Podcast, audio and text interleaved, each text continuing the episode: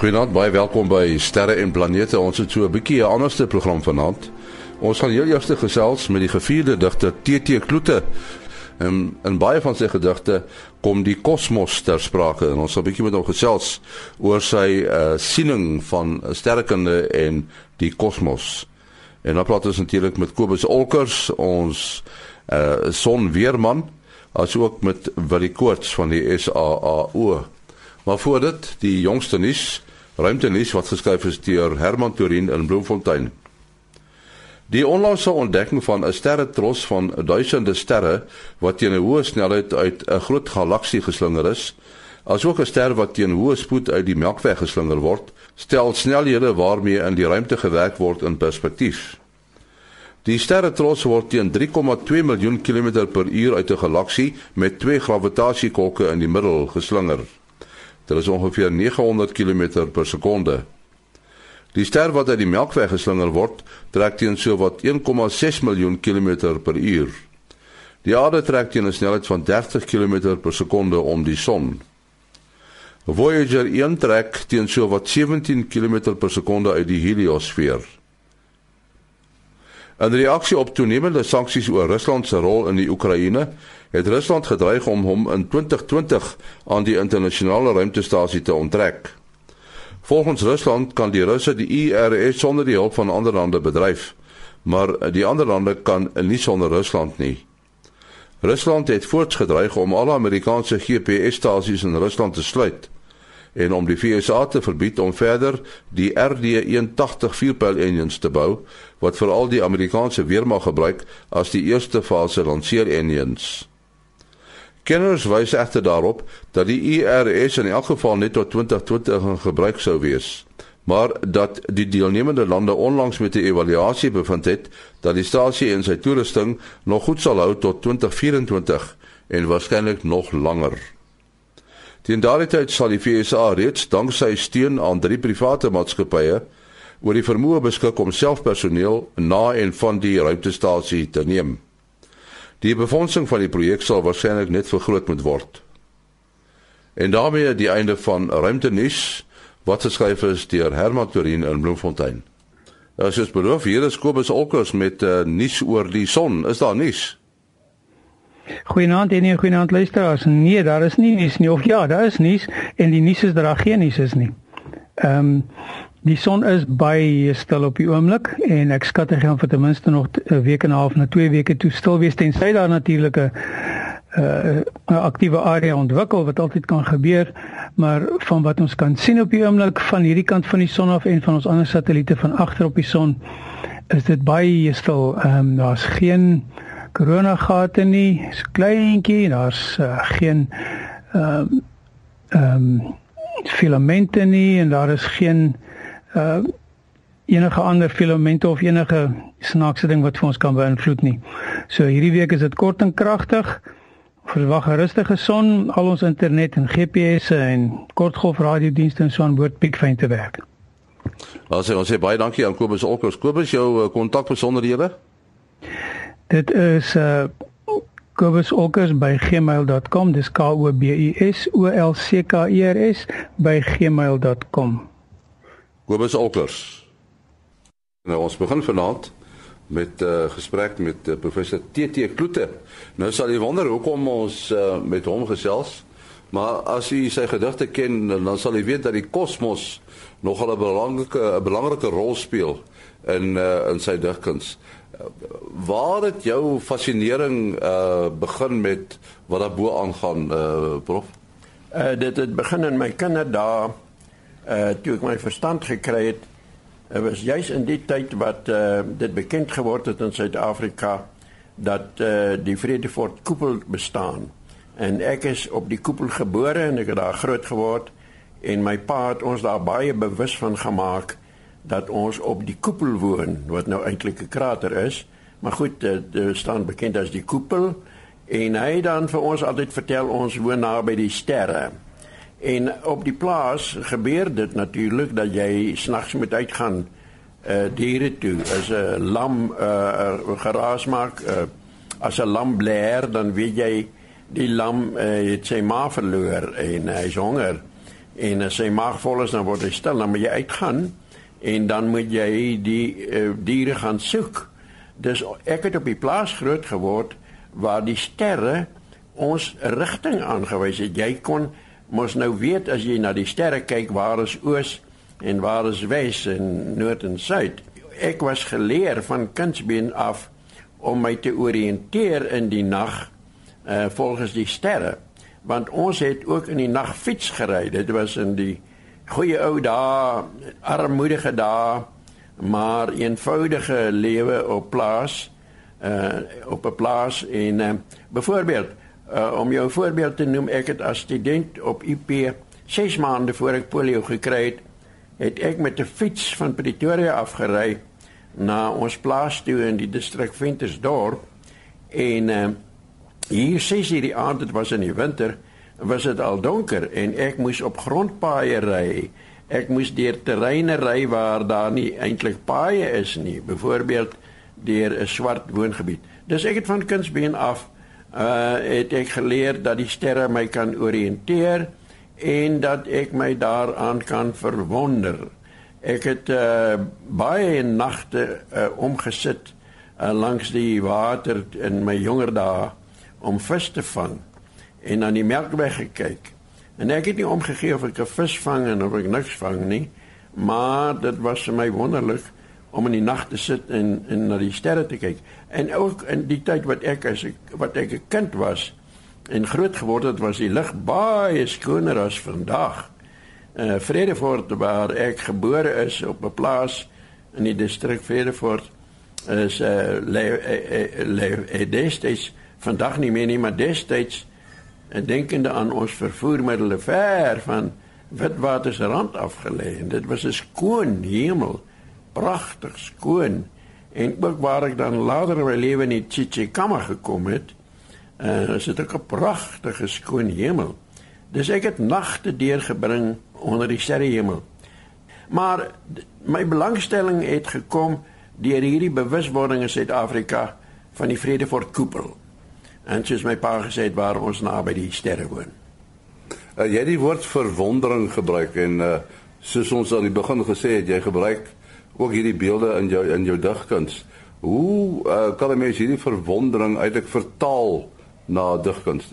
Ek weet nie hoe jy dit hoe, hoe, kyk jy kry gedig in, gedig val jou in. Dis nie jy wat die gedig gaan soek nie, die gedig soek jou op. Maar dit het my van kleins af geboei dat ek uh, dit was eintlik vir my 'n skok toe ek ontdek dat die sterre is nie sommer sterretjies wat daar in die hemel sit nie, maar dit is uh vuurballe, dit is sonne en sonne in 'n wêreld en dit is 'n uh, uh, verstomming en uh, die gedigte 'n gedig is altyd 'n soort van 'n ontdekking dis altyd 'n soort van 'n uh, oopmaak van 'n venster van iets of dit nou die gesig is van 'n medemens en of dit 'n ster is. Maar ek kon toe ek nou uh, uh, groter word en nou begin lees dit oor die sterre en ontdek dit is sonne en dit is wêrelde het ek my begin verwonder nou maar hoekom? Hoekom het dit God behaag om om in die kosmos soveel lig ehm uh, punte te maak soveel lig te maak en dan het ek nou in een van my gedigte geskrywe uh, dit is 'n uh, oorbeligting eintlik is die Eh, die die die sterrestelsels en die galaksies is eintlik oorbeligting en verblinding waarin God weggesteek word. En ek wil soos Einstein wil ek weet hoe werk God? Waarom is daar soveel uh, uh, sterre? Hoe, hoekom is daar soveel sonne en sonstelsels? en nie net een nie. Waarom is die res daar? Ek kan verstaan waarom ek hier op aarde is, maar waarom is die res daar in hierdie groot kosmos wat waarin ons net 'n stoffie is? Uh soos uh, Jeremia gesê het in Dante en van Wyk Lou en ek in navolging van hulle. uh, die feit dat uh, mense nou toegang tot die internet het en dat uh, mense baie meer weet oor die uh, die ruimte neem dit nie die misterie so 'n bietjie weg nie. Nee, dit verdiep die misterie. Dit verdiep die misterie uh uh jy, jy raak al meer in verwondering en en die vrae word al meer en die soek na antwoorde. Nou ek het op my rekenaar het ek die hele argief van die Hubble teleskoop se fotos.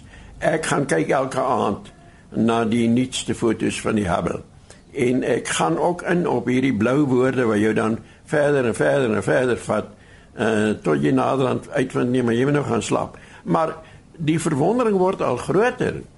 Uh hoe ouer ek word, hoe groter is die verwondering en dit is vir my nou uh onbeskryflik dat ek 90 jaar is en dat ek nog elke aand kan kyk na die verste bekende punte in die heelal. Nee, dit dit dit stimuleer jou en dit uh, maak dinge al meer en meer in jou wakker. So die, jy gebruik eintlik die rekenaar as jou teleskoop. Ja, die rekenaar is my teleskoop, ja. Ek het 'n teleskoop, uh, my ek het nou my kleinkind maak. Ek het 'n mikroskoop en 'n teleskoop my lewe lank besit en albei benut, maar nou my liggaam is nou ek is nou gestremde mens en dit maak nou vir my moeilik om deur die gewone teleskoop te kyk. Alhoewel ek met uh, behulp van ander dit kan doen. Maar ek gaan gewoon lê met 'n verkyker ek gaan gewoon op my rug lê met 'n verkyker en ek verstom my hoe min mense weet dat jy gewoon op jou rug kan gaan lê met 'n verkyker wat jy dan ook baie stabiel kan hou en dan jou kan verwonder en wat jy sien gewoon deur 'n sterk verkyker. Is is daar iets wat jy nog graag wil sien? Ek neem aan dat jy reeds weet planete soos Saturnus en Jupiter gesien het. Ja, ek kyk die pik het ook 'n uh, 'n uh, uh, uh, teleskoop en ek het uh, tyd lank behoort ook aan die sterrekundige vereniging van die pik en uh, die die die, die mees fantastiese ding wat ek gesien het is die ringe van Saturnus en ek kan onthou dat uh, ek nou met my wankelrige liggaam een aand daar opgeklim het nou met die leer en toe ek afkom en op die grond staan weer, het 'n kollega vir my gevra wat sê jy? Toe sê ek vir hom, weet jy wat, dit maak nie saak of uh uh wie ons president is en wie ons premier is nie. En al hierdie politiek en al hierdie nuus waarop ons so gestel is, is niks niks niks as jy die sterre van Saturnus gesien het nie, die die ringe van Saturnus. Ek dink mense behoort meer na die sterre te kyk. Dit sal hulle leer hoe nederig moet ons wees. Dat ons niks het om op trots te wees nie, dat ons ons kultuur moet bou en uh, in in stand moet hou, maar ons moet weet ons is 'n stoffie. Ons is niks. Ons kan ons op niks beroem nie. Ja, nou gaan ons voort met uh, sterre en planete. Dit was uh, professor TT Kloete wat daar gesels het oor uh, die kosmos en uh, sy siening oor die kosmos en hoe dit uh, in sy digwerk uh, gestalte kry. Ons het vir Willie Koorts wat uh, vanaand saam gaan gesels en uh, Willie Koorts werk vir die uh, Suid-Afrikaanse Astronomiese Observatorium daar in die Kaap. Nou daar was uh, onlangs 'n nuusverklaring wat die uh, waar daar gepraat word van vyf sterre wat ontdek is. Uh, jy vind dit nie uit jy ontdek dit want hulle was daar, jy ontdek hulle net. Uh vertel hom ons die volle storie? Ja, ja, dit is ehm um, uh, van ons sterrekundiges hierso so 'n span van 3 4 professor Michael Feast wat nou ons vorige direkteur, eintlik vorige vorige direkteur was. Ehm um, uh sterrekundige streem ons nooit af nie. Hulle hulle verander net van kantoor en uh en dan Dr. John Menzies en en ook sy vrou uh, professor Patricia uh, Whitelock en dan ook 'n uh, Japaneese sterrekundige ehm um, en die Japaneese sterrekundige is spesifiek uh soos ons nou nou ehm um, sal miskien net ja net noem dat dit is 'n spesifieke teleskoop wat hulle gebruik die Japaneese fasiliteit in Sutherland. Uh hulle het vyf sterre ontdek op 'n snaakse plek waar hulle nie sou verwag het moet sterre wees nie. Nou as ons dink aan ons Melkweg, uh die Melkweg galaksie waaraan ons behoort en 'n uh, manier wat hulle baie maal 'n um, uh, Melkweg of 'n galaksie dan voorstel is is is die analogie van twee gekookte eiers, gebakte eiers, nie gekook nie, gebakte eiers uh, wat uh wat jy dan uh op mekaar gesit het soos mense sou dink aan 'n uh, gewone gebakte eier het die geel effektief in die middel waar hy dikker is is en dan loop die die wit na na na die uh, uh dinner uit na die punte toe. En as jy nou twee van hulle op mekaar sit dan uh, uh kry jy so 'n robbe prentjie van hoe ons melkweg moet lyk. En uh ons is dan omtrent so 2/3 weg. So die die deursnit van ons melkweg is so in die omgewing van 100 000 ligjaar en ons is omtrent so 30 000 ligjaar um van die van die middelpunt af. Nou wat hulle gedoen het is hulle het gekyk um na die middelpunt uh, van die melkweg maar net 'n bietjie mis as jy nou so as jy nou jou die prentjie kan voorstel. En um so hulle kyk net so verby die vlak van die melkweg. Nou normaalweg as jy netlik na die middelpunt toe kyk, gaan jy niks verder sien as die middelpunt nie. Ehm um, so as jy nou bietjie weg kyk, het hulle dan aan die een kant die vuur en aan die ander kant een uh, ster ontdek. Ehm um, wat hulle dan toe baie akkuraat die afstand kon bepaal omdat dit sogenaamde Cepheid veranderlike sterre is waaroor ons al in die program gepraat het. Ehm um, nou Cepheid is maar net sterre wat teen 'n sekere tempo pulseer en die tempo uh, wat hulle pulseer is dan direk eweredig aan hulle absolute helderheid en dan kan jy hulle afstand baie akkuraat bepaal. En die sterre lê omtrent op 80 000 ligjaar. Nou ons het gesê ons is uh, 30 van die middelpunt af. So hierdie moet dan 50 000 ligjaar aan die kant uh die middelpunt van ons Melkweg lê, maar soos ek sê uit die uit die vlak van die Melkweg. Nou iets wat al reeds bekend is uh vir 'n klompie jaar is dat die uh wat daar's 'n oorblywende gas um wat wat amper so uitflair. So 'n manier om daaroor te dink is jy nou in die middel punt van die melkweg sou gestaan het met 'n reuse trompet en jy ehm um, draai dan al in die ronde in die in die vlak van die melkweg dan sal jy so so 'n 'n keel uh van noem dit maar gas wat jy nou uitblaas en nou maar uit hierdie massiewe trompet uit. En dit is dan uh um, hoe hulle dan gas ontdek het uh en dit lyk asof hierdie sterre op die rand van hierdie gas lê wat nou hoofsaaklik waterstofgas is. Hoe die sterre kon ontstaan het is eintlik 'n groot raaisel en dit sal natuurlik nou uh, toekomstige sterrekundiges gaan uit die aard van die saak nog van hierdie sterre probeer ontdek en en dan probeer 'n prentjie aan mekaar sit maar hoe kon hierdie sterre gevorm het?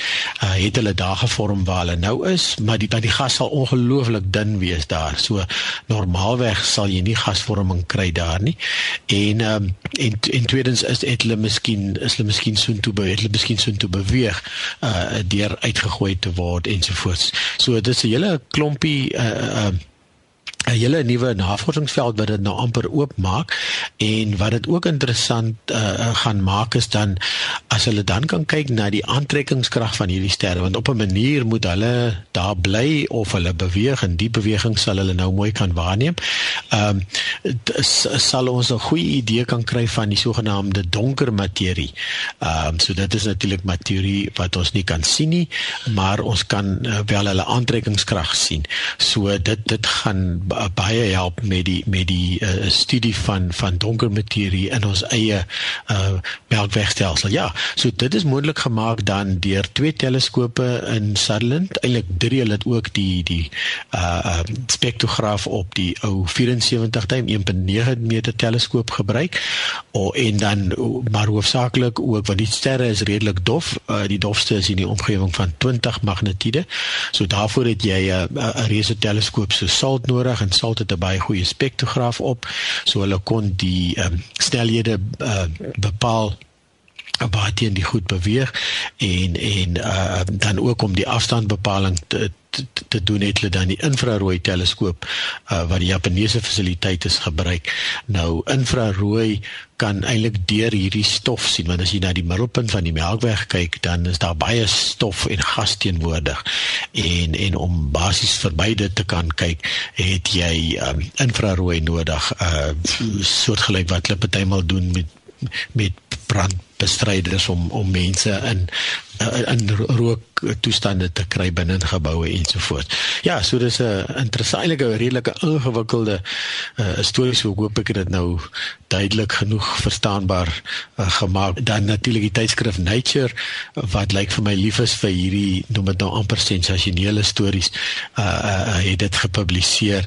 So dit, dit sal uit die aard van die saak uh soos ek het gister met professor Whitelock bietjie uh kers opgesteek om bietjie te hoor presies hoe hoe werk die ding en ek het reg verstaan wat ek gelees het in die nuusvrystellings ensovoorts en ehm um, En dis is ook ja, dit is eintlik interessant dat uh hierdie ontdekking is eintlik maar net so belangrik soos al die ander goed wat in die ander joernale uh gepubliseer word, maar uh dit dit dit maak net 'n bietjie meer nuus om dit bietjie buitekant die gewone is.